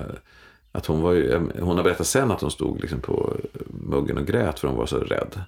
För att vi var så här, men in och gör det här nu ikväll. Bara, va? Ska vi inte re- re- repetera det här? Nej men det, vi ändrar det här. Bara, så hon var inte riktigt van vid de Roger extremt snabba. Pontare-numret, har jag aldrig vi repade. Jag tror Nej, det, det, kör in. det, Lotta sprang ner i källaren och hittade kläder. Och, Han, hade, han, han vann med Ja, när han vann. Vindarna med- viskar. Ja, ja, och så, så, så repade man ihop det, torrrepade i logen, sen körde man. Men det var ju också att man litade på varandra så mycket. Och när man kunde byta ett nummer samma kväll. Eller man, jag, vet- jag vet att vi kunde ringa. Jag kunde ringa och säga i nyheterna. Säg den här vitsen. Och så gick de in och drog den. Sen kunde det vara att den funkar inte. Ta bort den. Liksom att, man hade så många andra säkra grejer i showen. Så att en liten miss gjorde som ingenting. Och då blev det att alla vågade också. Det var in och kör bara. Och spricker det, sprick då. Det var liksom inget... Ja, men det kan man märka när man jobbar med andra föreställningar nu. Att folk tycker det är jättesvårt att byta någon liten grej. Och alla som har varit med i rea-gänget är så här, va? Va? Ja, men då byter vi. Ja. Det väl bara byta. Ja. men det måste vi komma in på dagen imorgon och repa. Nej, Nej. vi byter nu. Ja. Speciellt om det är samma form. Ja. Ja. Men det var, det var nyttigt. Det var otroligt nyttig tid. Mm. Och jag minns när vi gjorde tv så spelade vi in. Vi spelade ju en föreställning på kvällarna. Vi spelade in eh, sketchgrejer som skulle vara liksom runt om i programmet på dagarna. Och repeterade det som komma skulle. Veckan därpå. Mm. Så man var... Man, var helt, man hade tre lager så man visste inte var är vi någonstans. Vilken, vilken vecka är vi på nu? Att det, Eh, det var också väldigt nyttigt. Att det var eh, otroligt eh, jobbigt samtidigt, men väldigt nyttigt.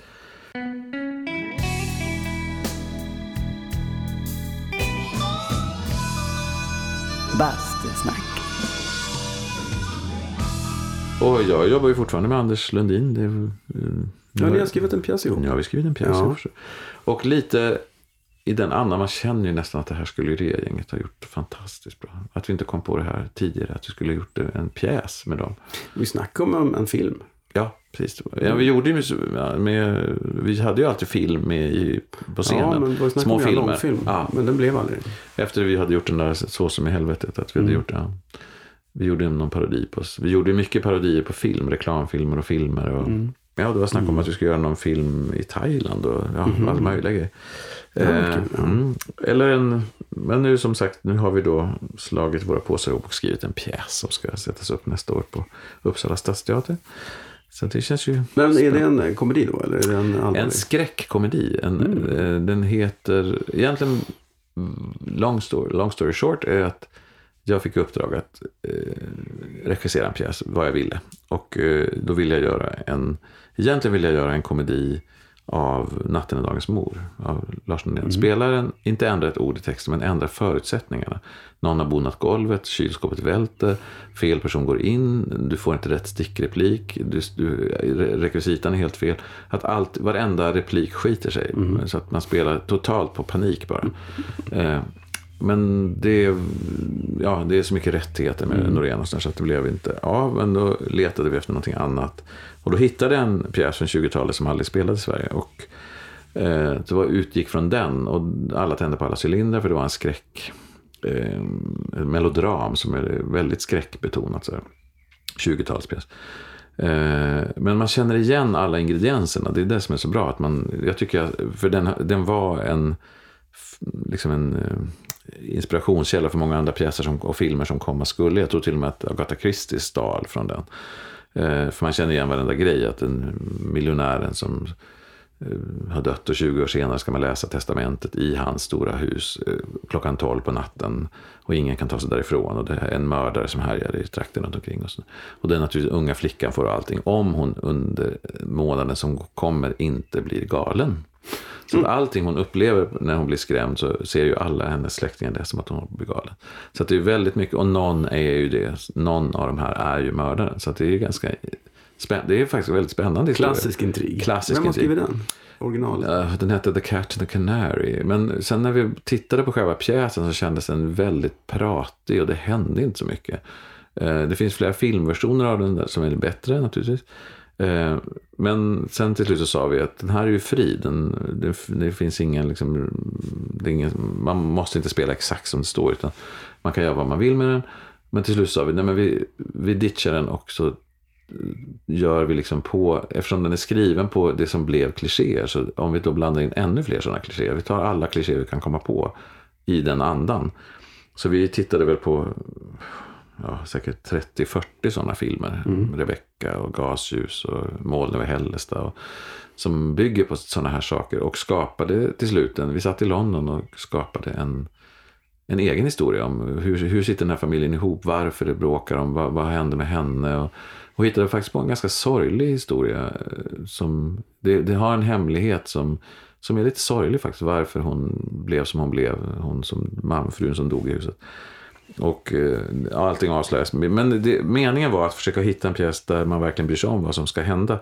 Men samtidigt har vi då lagt på laget att det är tio skådespelare, spelar skådespelare som eh, ska spela den här pjäsen. Men allting går åt helsike. Allting tiden. det är, ingenting funkar ju liksom någonstans. Men när det blir hemskt blir det hemskt på riktigt. Det, man blir skraj. Liksom. Och annars så kommer man ju skratta. För det vi ska ju bara utgå från vad skådespelare själva har gjort fel. När de kommer in i fel i rummet. Eller du ska inte stå här nu och du, du är inte med. Du har ju dött i förra scenen. Jaha, oj. Mm, ja. Eh, och den här genansen som en skådespelare. Mm, hur, hur hanterar man det när det händer på riktigt? Liksom. Så att den heter nu Ett skri i natten, en hemsk komedi. Heter den. Och det blir, jag skojar och säger att varje gång den här pjäsen sätts upp så händer det väldigt hemska saker. Att den får dåliga recensioner eller att det inte kommer någon folk. Eller, Det är ju livsfarligt att döpa det. Är, just, det är ju verkligen att, att eh, locka recensenterna med en sån titel. ja, Eller? En hemsk komedi. Ja, står det bara. ja, men alltså en hemsk komedi för att det ska... Att det, och så är det bild på en sån här kvinna som skriker. Eh, nej men eh, jag tycker det är, det är ett otroligt gediget bygge som vi har gjort och jättekul. Att den är, det är kul med melodramen, är väldigt rolig samtidigt. Tycker jag att det är högtravande liksom, och spännande. Jag tycker faktiskt att eh, nästan alla som har läst den känner sig, men gud, här, här, man vill ju man vill ju veta hur det går. liksom, vart vad, oh, det här var lite läskigt. Att det, ja, men att det, och just det där att det var länge sedan jag såg någonting när man skrämdes på teatern. Ja, det funkade. Man faktiskt Ja, blev ja. rädd. Ja. Woman in Vi Black. pratade ju det om att göra en skräckshow Ja, någon gång ja, på börsen, ja. men det blev aldrig så. Ja, för det, det, och det har vi verkligen utforskat nu. Att det, jag tror att det bygger mycket på uh, suggestionen. Att pratar man om det, liksom att om man bygger upp det här det hemska som har hänt. Da, da, da, da, och sen när det väl händer så är man så beredd på det. Eller är oförberedd på det. Men man, det är som att berätta en spökhistoria när man var liten och sen så helt plötsligt skriker man bu. Och, så liksom, och nu hade jag ett möte på teatern igår och fick veta att det var en massa lönnluckor och grejer i golvet. Så man kan skjuta upp folk från ingenstans på en sekund. Man gör en åskknall och en blixt och så blir det mörkt en sekund. Plötsligt står en person inne i rummet brev, bara bredvid henne. Perfekt. Som man, det går inte att komma någonstans ifrån. Liksom, utan helt plötsligt bara är hon där. Så att jag tror att vi kommer att ha många sådana här ah! Fast det är också en humor. Att när du blir rädd och skriker så skrattar du efteråt. För du känner dig fånig. Man är lite generad. Ja. Så att det är lite samma, man berör lite samma reaktioner. Så att, ehm, Ja, det ska bli härligt att se. mm, jag tror I- på Premiären är januari? sjut- februari? 17 februari. 17 februari. Ja, det ska vi boka in i kalendern. Ja. En helt annan sak. Mm. Jag, du jobbar ju jämt med allt hela tiden, med alla överallt. Och då så bestämmer du dig plötsligt för att ja, en gång om dagen ska jag lägga upp en rolig video också. Eller rolig, en dansvideo på nätet. Hur fan gör, hur tänkte du där? Och undrar om inte varför jag samlade, jag har ju alltid samlat på. Ja. Jag, jag tror jag skaffade video 78 när de första VHS-erna kom. Och sen spelade jag in varenda show och varenda musikalfilm som gick på tv under alla de åren. Så jag har ju ett ganska gediget bibliotek med sådana saker. Sen blev det ju dvd och man har hela tiden köpt saker och samlat och samlat och samlat. Allt som har med dans och show att göra. Eh, och sen när det kom på YouTube att man har ju då plockat ut massa sådana favoriter. Så jag tror att det började med att jag började visa mina... Jag har ju en stor förkärlek för konstiga spanska tv-shownummer eller und, lite, när det är menat att det ska vara bra fast det är inte så bra. att det finns lite kitschvarning. Så jag tror att det var att jag började skicka och visa folk och sen när man gick med i Facebook att man la upp på, mm. på skoj att titta på den här konstiga indiska videon. Eller den här är så rolig. Uh, och så fick man liksom, åh vad roligt. Aha. Och sen så blev det att kalla, ja nu är det dagens dansvideo, är det här numret. Så att först hade jag det då på, bara på Facebook. Och då var jag inte så jättenoga med att det var varenda dag. Det var lite sporadiskt. Men sen så blev det så. Men jag hade också en period när jag inte kanske jobbade så jättemycket. Utan det där gick ganska snabbt. Man gjorde det när man satt åt frukost. Man skrev mm. ut. Och sen blev det så många så då, för att slippa sitta och, när folk bara säger ja men det var så roligt när jag upp för tre veckor sedan, men att scrolla ja, i Facebook går i Facebookflödet är kört. Ja. Ja.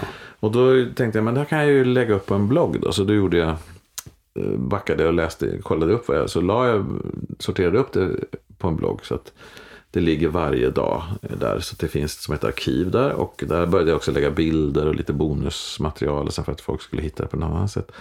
Och eh, sen, eh, det var kanske två år sedan jag slutade göra det. Då, för, då, låg jag, då låg de samtidigt på Facebook och sen på bloggen samma dag. Men, eh, och det gjorde jag när jag satt åt frukost. Men sen så tänkte jag, nej jag ska bara, nu gör jag reklam på Facebook. Gå in och titta på det. Idag är det en film om, mm, nu kan du gå in, och då måste du klicka och gå in på min blogg för att titta. Men jag gör det varje dag. Det enda gången jag hade uppehåll var nu när jag var borta på Bahamas på semester. Då visste jag att det här kommer inte finnas Ingen wifi. Nej. Nej. Så jag kan inte göra det. Men eh, annars Fantastiskt. För, och Kuba en gång var det också att det inte gick. Men annars har det, jag tror i februari för sex år sedan. Så att jag började. Det är bra. Och du har så. aldrig tänkt, jag har ingenting idag. Det har aldrig hänt. Nej, då, då, är det, jo. då tar du repris på en gammal kanske. Ja, precis. Ja. Eller, men lustigt nog så, jag trodde att det skulle kanske gå att få fram 500. Men nu är jag på 2200 kanske. Wow videos. Och det är ju, jag har ju liksom, jag kan ju se på sådana här flöden, man kan gå in och titta liksom, vad, vilka är det som tittar och mm. var det jag kommer ifrån. Och jag får ju väldigt mycket mail och så från, och meddelanden från folk i utlandet. Mm. Som, eftersom jag har då ganska kanske mycket spanska grejer som mm. jag har spelat in när jag bodde i Spanien. Och så. Um, och de undrar, gud var har du fått det här ifrån? Eller någon Shirley MacLaine show som inte finns någon annanstans. Eller, så det är mycket från mina privata arkiv också. Men så att, och det jag till och med åkte runt och föreläst. Det var flera kvällar där man ringt, kan inte du komma och visa? Mm. Välj ut tio videos och så pratar du om dem. Och så okay. jag åkt runt och visat och pratat. Eh, och eh, på den här, jag är ju då, jag och Roine Söderlund är ju konstnärliga eh, ledare för en musikalutbildning, är faktiskt den enda som finns i Stockholm, som heter SMU, Stockholm musikalartistutbildning. Som är en treårig utbildning. Då. Och där har jag undervisat i musikalhistoria. Mm. Men då är det också ganska bra, för att då kan man säga till, om vi tittar på Jerome Robbins, vad han har gjort, eller Bob Fosse, eller Gene Kelly, olika regissörer eller koreografer. Eller, musikaler. Då kan man också säga att eh, gå in och titta på bloggen så, och så finns det ju en sökruta där. Så man mm. kan skriva in Jerome Robbins så får ni upp allt han har gjort. Då kan man locka dem med att visa någonting på klass som de faller för. Och så, så kan man direkt se, hm, där gick det in 30 pers och tittade idag. Eh, eller att, de, att det blir, er uppgift är att titta på Busby Berkeleys nummer till nästa vecka. Så mm. vi kan diskutera det. Liksom. Så det har ju också för skolan blivit en... Kul, det är ju kulturhistoria. Mm. Ja, jag fick en ut, jag har en permanent utställning på dansens Dansmuseet. Mm. Eh, där dans i, i, media, eller dans framåt. Var det, alltså just att det finns på YouTube i alla dess möjliga former. Eh, en liten loop som rullar där, kanske en film på 20 minuter som rullar om och om igen. Eh, och just att man gör de här föreläsningarna har varit väldigt kul. Det, och skolan då. Det, det, finns liksom, det har ynglat av sig kan man säga. Det är fortfarande bara jag gör det utan att tjäna pengar på det. Jag bara tycker det är kul. Mm. Att, och jag vet att jag möter ständigt folk på gatan som kommer fram och tackar.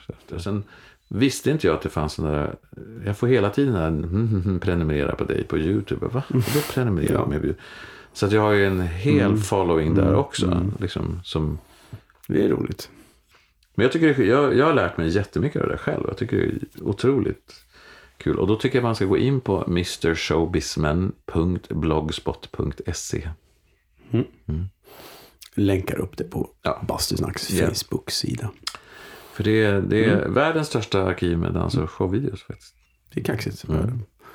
The world's greatest archive. Yeah.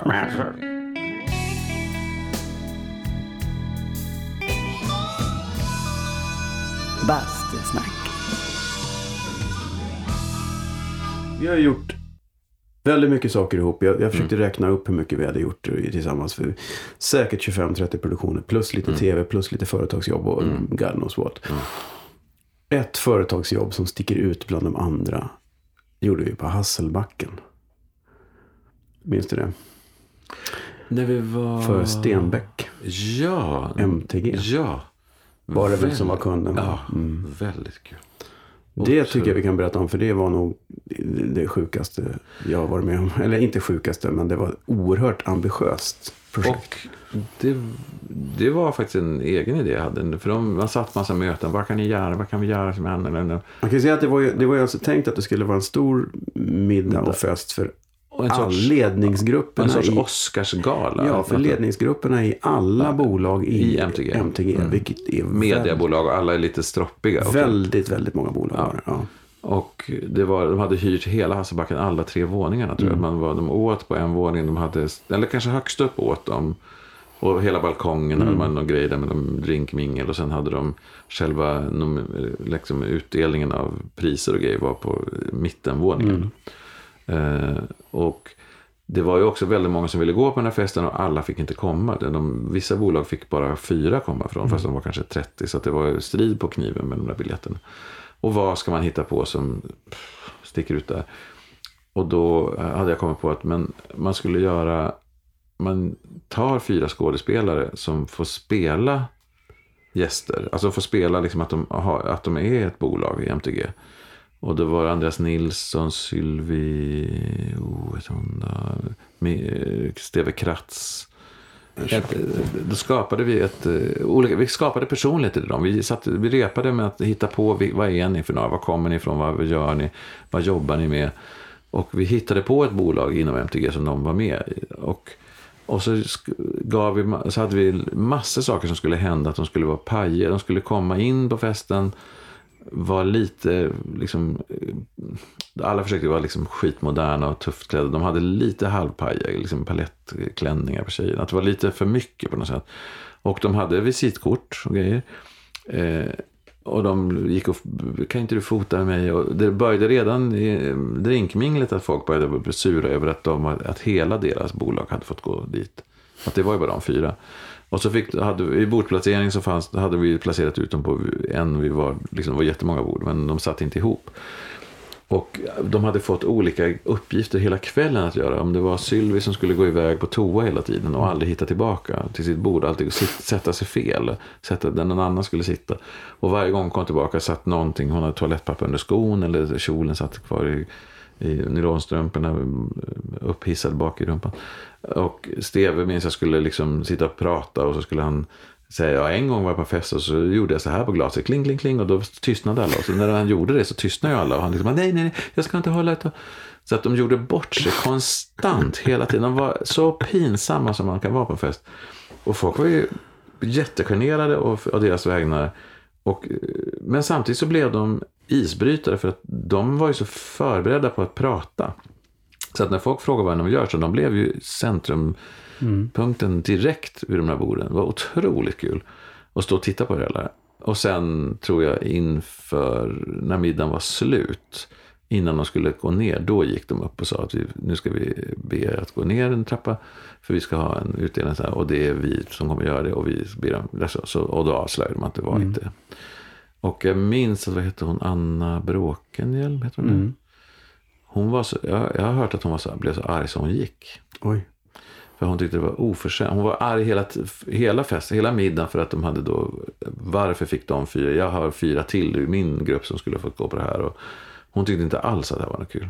De hade så skapat sina karaktärer så mycket då så att de kunde sitta och svara på vad som helst och vara hur utflippade som helst. Så att Eh, de var ju verkligen liksom superpoppis innan avslöjandet kom. Sen var ju, tyckte ju folk att det var jättekul också, att alla blev ju blåsta. Jag, jag minns att jag stod och skrattade. När, jag, när hon kom tillbaka från toaletten en gång och irrade runt och gick rakt in i en pelare, då trodde jag att jag, jag skulle dö. av skratt. Och så vet, det är sådana grejer som man gör ju inte det på en Folk tystnar och sitter och tittar på henne. Och så ska man gå och sätta sig efter det. Så jag tänkte stackars människa.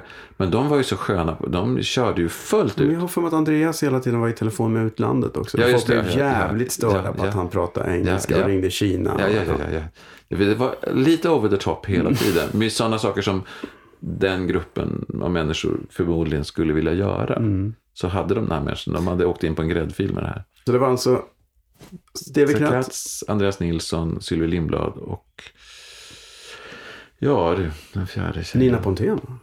Kanske var. Men det var, jag tycker också det var kul att, att mm. arrangörerna gick med på det här. Att de tyckte att det var en... Mm. Men de tyckte att det var tillräckligt knäppt. För det här skulle man prata. Det har man aldrig sett förut. Att det var låtsasgästerna. Det har blivit dags för... Skämskudden. Herregud vad pinsamt. Skämskudden gamla demon. Mm. Jag har ju ett inslag som heter Skämskudden. som du kanske har hört talas om. Jag har ju en massa skämskuddar. Jag har ju jättemycket roliga inspelningar med dig. Men jag tänkte mm. jag skulle rädda dig från, från det. Fast det är inte så mycket att jag skäms inte för dem på något sätt. Men det är kanske inspelningar man inte ska spela upp ändå. Nej, uh, men det är inte så att jag tycker, för att det har ofta varit under rep att man uh. hoppat in för Lill-Babs eller någon när hon var borta och så sjöng man med de andra. Eller att jag gjort italiensk disco med, mm. som Amanda Lear. När det var, vad hette den då? Vad hette den? Crazy, Crazy Horse. Horse sommarshow 89. Ja, en strippshow mm. som... Mm. Ja, um, det var en skämskudde hela den showen. Ja, men det var inte på grund av mig. Men, det var, nej, redan, redan ja, fy. men vi försökte hjälpa dem med lite musik där. Då sjöng jag in en fransk mm. låt. Eh, men eh, nej, så jag tror de grejerna kommer du inte åt med mig förstår du. det skäms jag inte så mycket för. Eh, men man har gjort ett och annat. Vi rörde vid någonting nu som jag sa, det här skulle jag aldrig vilja se. Uff, ja. Jo, det var när du satt i röda shorts i en bil med Marianne Faithfull. Ja. Fy vad hemskt. Det vill jag inte se. Mm. Det kommer jag aldrig vilja titta på. Men i, just när vi gjorde Kicks då, 82 måste det ha varit. Så när vi fick göra de där två egna timmarna. Två lördagsunderhållning, bästa sändningstid klockan åtta. Och stort påkostat nere i Malmö TV. Och då hade vi naturligtvis, vi höll på med en krogshow så vi hade ju material. Men vi hade inte material till två timmar. Så vi la ju in allt möjligt konstigt. Och en jättedålig idé i andra programmet. Att vi gjorde, då hade ju Mupparna Pigs in Space och vi gjorde Kicks in Space. Började vi med. Mm. Och skulle göra någon sorts tidsresa som inte var så genomtänkt. Så vi börjar med att vi flyger i rymden och gör någon konstig rymddans. Och så landar vi i någon sorts, att orkestern ser ut att vara någon sorts barockorkester och spelar Air. När vi sjunger, na, eller Adagio. Da, di, da, da, da, da, och, sådär. och så skulle vi nynna med på något sätt i fyrstämmigt i det där. Och så när vi hade gjort det så kom tekniker och frågade, är det här en parodi eller? Fast var, vi försökte sjunga så fint vi kunde. Och då hade jag gått och tagit sånglektioner ett par år hos Inga Sundblad, en operasångerska. Och då fick man inte sjunga liksom pop och jazz och sådär lite grann. Men man fick ju sjunga väldigt mycket operagrejer. Liksom, och arier hit och dit. Och på något sätt så tyckte hon, nej men du kan ju sjunga den där, den gör ju du jättebra. Så jag sjunger ju alltså en operaaria I tv. Utklädd som Falstaff. Med så här eh, flint och sitter med ett ölkrus och eh, sjunger på tyska. Alltså, jag fattar, det är ju redan bra. Alltså, why? Det är ju fruktansvärt. Men hur alltså, kändes det efter? Kände du att det här funkar? Nej, jag vet inte. Alltså, man var ju så oblyg då. Man trodde, men det här, vi, det här, så kan vi göra det här, så kan du göra det här, så gör vi det här. Så jag tänkte liksom aldrig liksom att, åh, det här var väl inte så bra. Och vad var man då? Då kanske var 20, 23 kanske. Mm. Men då tyckte man, då kunde man ju hela världen. Då var man ju bäst på något vis. Att man hade ju inte lärt sig den där riktiga urskiljningen kanske då. Att då tyckte man, ja men det här kan jag ju, det gör jag det blir väl bra. Från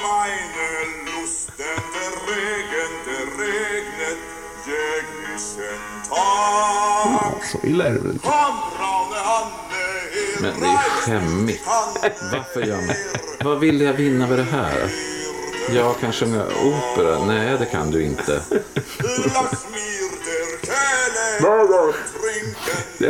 Är det roligt? Nej. Är det elakt? Nej. Är det aktuellt? Nej. Är det bra? Nej. Är det dåligt? Ja. Alltså, Ja, bra djup där. oh, ja. Tyskan är inte bra heller. Jag hade aldrig... Och det är inte slut. Nej, det det är fortsätter. värst till. Värst till. Ja, herregud. Jag hade aldrig känt igen det. Om någon hade sagt, vet du vem det här är? Så hade jag inte kunnat. Micke Kratt. Ja, det är det nog. Och, det värsta, jag har liksom inget minne av att jag gjorde det heller. Att det, jag bara, här, det bara var puff. eh. För det är ändå liksom ganska avancerat med liksom Make. flint och make och ögonbryn och någon sorts Bellman-kostym och levande ljus och ja, fy så hemskt.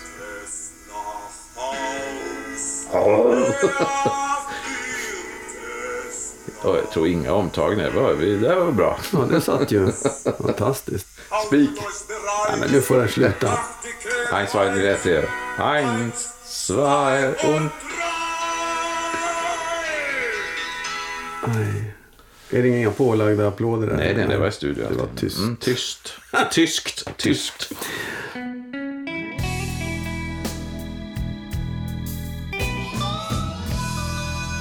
Bastusnack. Men vad, vad har du kvar att göra då? Vad känner du att du inte har fått göra så du verkligen måste få göra? Film, Film? Ja. tycker jag. Liksom, jag har ju, man har ju varit inne och nosat och pillat. Och Ja, men liksom, du fick något litet Prix d'Italia eller eller vad fan Ja, det vi var var, nu? ja, just det. Vi var, men det var inte en film jag hade, den har inte jag gjort. Nej. Men jag har varit med och gjort liksom regin och liksom själva många dansgrejer. Men det var inte jag som producerade filmen. Så att, om drottning Kristina. Mm. Men, eh, men man, har, ju- man har ju jobbat så pass mycket med film att man har det tänket. Mm. Så jag tycker bara, att- men det är en väldigt svår bransch att komma in i. Det är väldigt, de, många dörar är stängda. Ja, De är så här, man får inte göra film om man inte har gjort film. Och det, nähä, men hur ska man kunna göra film? Moment 22 så där. Men, någon dag kanske. Jag tycker jag gör, man har haft privilegiet faktiskt hela livet att göra roliga grejer. Att jag, jag har kunnat välja, det är ju väldigt det är lyx. lyx. Det är lyx. lyx. Toppen! Jag vill eh, tacka dig för att du kom hit. Tack Eh, själv. Bastun är varm, vattnet Ja. är kallt. Nu kör vi som vi säger. Ja!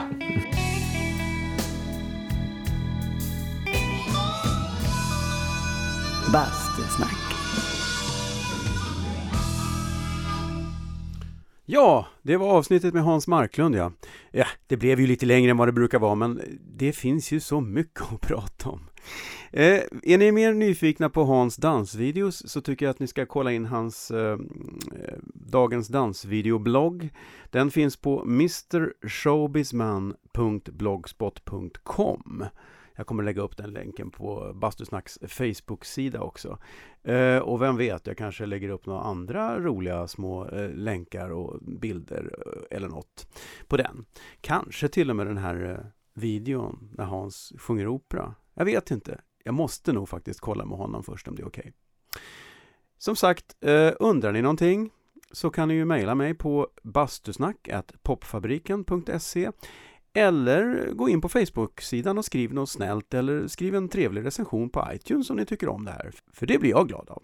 Eh, jag hoppas ni har det bra eh, och till nästa vecka, basta försiktigt!